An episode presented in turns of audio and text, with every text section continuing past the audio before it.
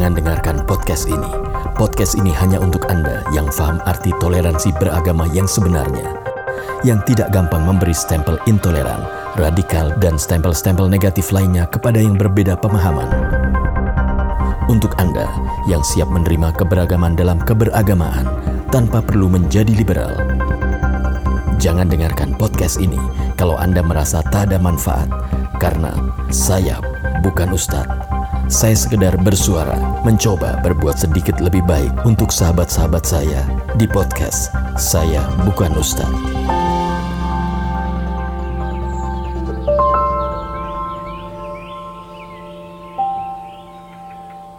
Di negara kita yang beraneka ragam latar belakang ras, suku, dan agama ini, perbedaan antara umat beragama sebetulnya tidak menjadi masalah, walaupun disampaikan di ruang publik asalkan dilakukan dengan kesadaran penuh bahwa yang menyimak, mendengarkan, atau membaca tulisan kita bukan hanya mereka yang sefaham atau sekeyakinan dengan kita. Dan yang lebih penting lagi, penyampaian informasi itu tidak dilakukan dalam rangka merendahkan, menghina, menebar kebencian, apalagi menyinggung perasaan mereka yang berbeda. Dalam kehidupan sehari-hari saja, kita pasti tidak akan suka melihat atau mendengar seorang tenaga marketing menawarkan produknya di depan publik dengan cara menebar kejelekan produk lain. Walaupun produk yang dijelek-jelekan faktanya memang jelek misalnya. Konsumen akan lebih respek dan terpuaskan rasa ingin tahunya bahkan berujung pada pembelian ketika si penjual menyampaikan berbagai kelebihan dan manfaat dari produk yang dia jual. Begitu juga ketika seorang tenaga marketing menyamanyamakan produknya dengan produk lain. Sementara dia tahu produknya jelas berbeda. Mungkin ada satu dua orang yang percaya dengan penyamaan itu. Namun akan lebih banyak konsumen yang cerdas yang justru akan merasa dibohongi dengan model promosi seperti itu. Bagaimanapun, konsumen bukan orang yang bodoh untuk melihat realita perbedaan yang ada.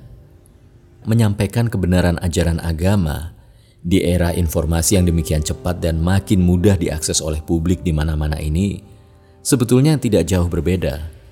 Prinsip dasar sederhananya adalah jangan menjelek-jelekan ajaran agama lain dan jangan juga menyamanyamakan dengan ajaran agama lain. Apalagi di era di mana batasan ranah privat dan ranah publik sudah makin kabur. Lalu, bagaimana kalau ada yang menjelek-jelekan agama kita? Atau sebaliknya menyamanyamakan agama kita dengan agama yang lain.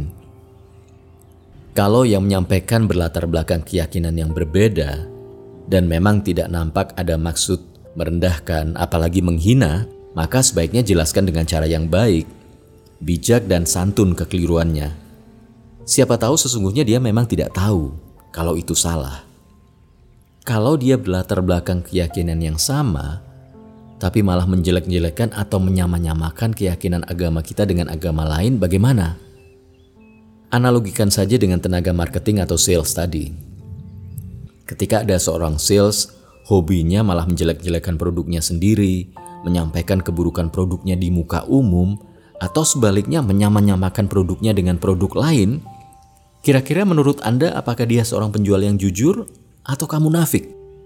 Apa pun jawaban yang kita pilih, pasti semuanya akan buruk bagi si penjual. Kalau dia jujur, berarti dia munafik. Kalau dia munafik, berarti dia tidak jujur. Lantas untuk apa orang macam begitu dipercaya dan dipekerjakan terus?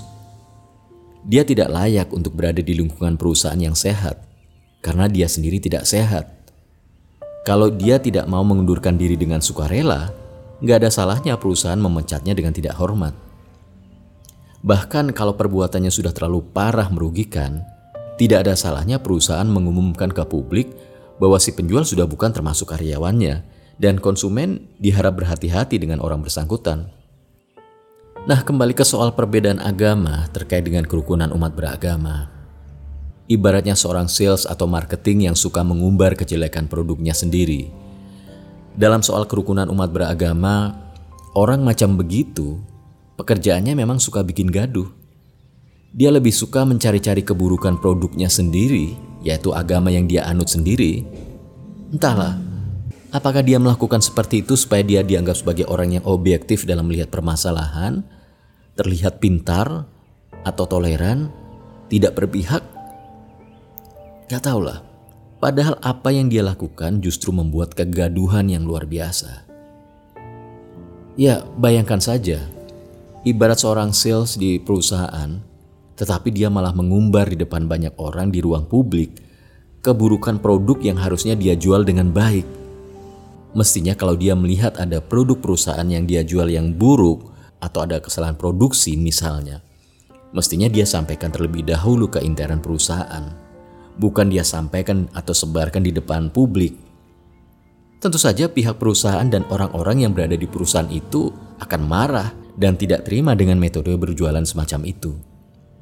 Itu untuk benda, apalagi agama.